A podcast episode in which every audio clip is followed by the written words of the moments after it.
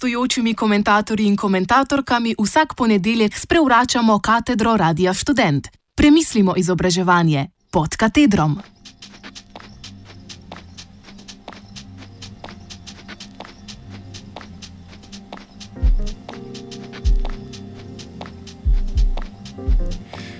Par besed o stanju v državi, v kateri je ministr za znanost in izobraževanje plagiator.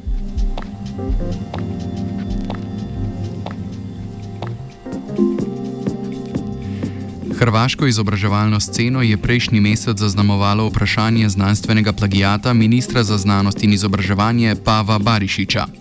Pavo Barišič, ki je sicer po poklicu univerzitetni profesor filozofije, je v enem izmed svojih znanstvenih del uporabil besede ameriškega filozofa Stevena Schellingserja. Pri tem je, kot sam pravi, uporabil na, eh, pozabil navesti vir citata. Opravičeval se je, kako gre samo za opombo in tehnično napako. Medtem se je kasneje razkrilo, da je Barišič v svojih delih koristil tudi izseke iz Wikipedije. Razkrinkan je bil, ker je prepisal napačno zapisano ime Francisa Fukuyame, saj je med prepisovanjem iz Wikipedije priimek narobe prepisal kot Fukayama.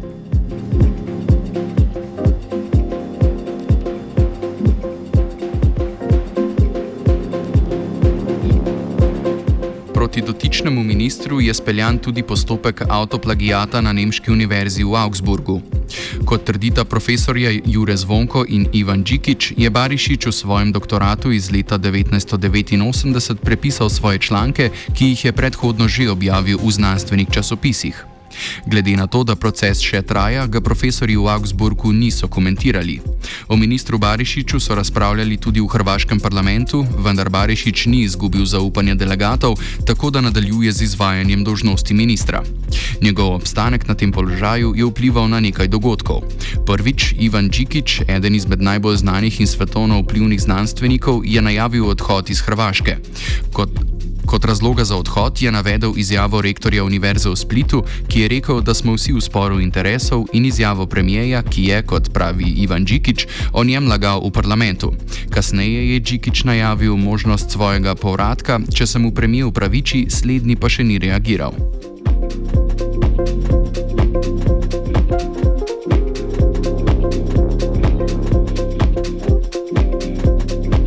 Druga zadeva, na katero Barišičov obstanek na ministerskem položaju vpliva, je sporočilo, ki se ga posreduje otrokom, učencem in študentom.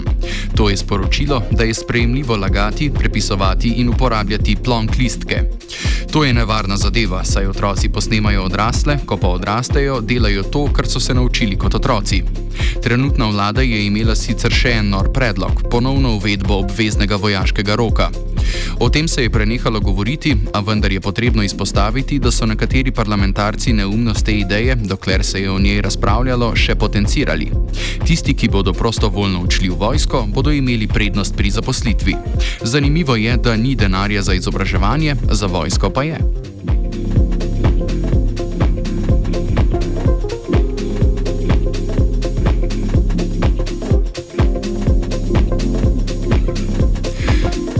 Drugi strani je zgodba z vsemi nelagodnostmi, ki se odvijajo na filozofski fakulteti. Stanje se v tem primeru očitno popravlja, vendar počasi. Nadejamo se, da bo filozofska korak za korakom spet postala normalna fakulteta, o kateri se ne bo vsak teden pisalo v medijih, oziroma vsaj ne zaradi kaosa, temveč zaradi znanstvenih tem.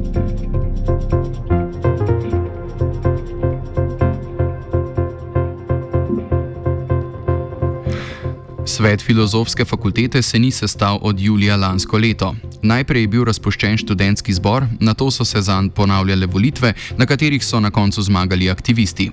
Na to so se začela zavlačevanja s pravno službo univerze, ki je verjetno prvič v zgodovini pregledovala zapisnike študentskega zbora neke fakultete.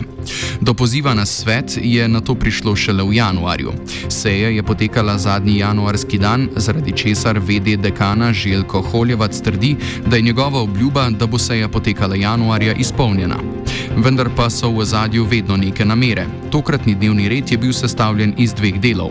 Prvi del je bil, kot so razglasili dekan in njegova ekipa, namenjen točkam o usodah 400 zaposlenih in študentov na doktorskem študiju na, po univerzah na Hrvaškem. Vseh 420 točk se je navezovalo na ljudi, ki niso mogli napredovati v svoji stroki ali pa niso mogli zagovarjati svojih doktoratov, ker se je sveta ni bilo. Drugi del sveta se je nanašal na delovanje same fakultete. Tako je bil izbor dekana uvrščen na 402. točko od skupno 420 točk dnevnega reda.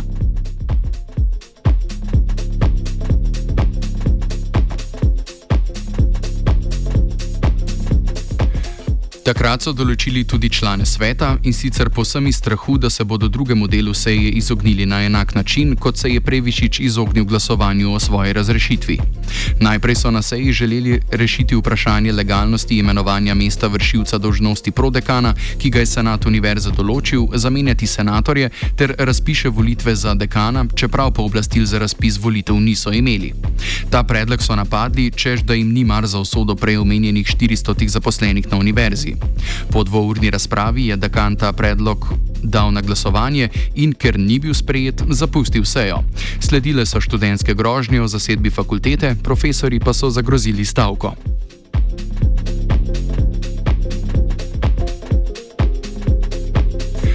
Dva tedna kasneje je potekala druga seja, resno potekala. VD prodekana je sprejel predloge za točke dnevnega reda, ki so jih predlagali ča, člani sveta in na 8-urni seji je bilo končno rešeno vse potrebno. Razpisali so volitve za dekana, svet je potrdil dva prodekana, ki ju je imenoval senat, razrešili so vseh 400 točk. Fakulteta je zadihala.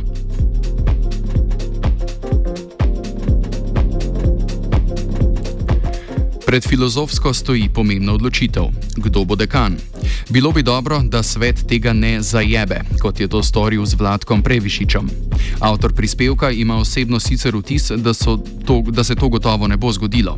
Pred Hrvaško stoji še pomembnejša odločitev: kako postati moderna država, ki bo opravila z nekompetentnimi ljudmi in, ljudi in prave ljudi postavila na prave položaje. Bati se je, da se to ne bo zgodilo prav k malu.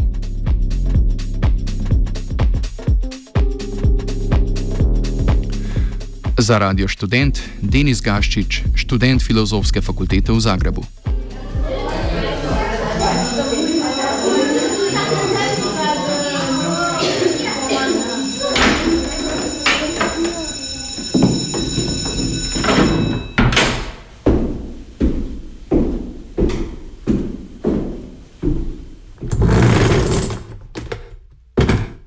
Gostujočimi komentatorji in komentatorkami vsak ponedeljek sprevračamo katedro Radia Student. Premislimo izobraževanje pod katedrom.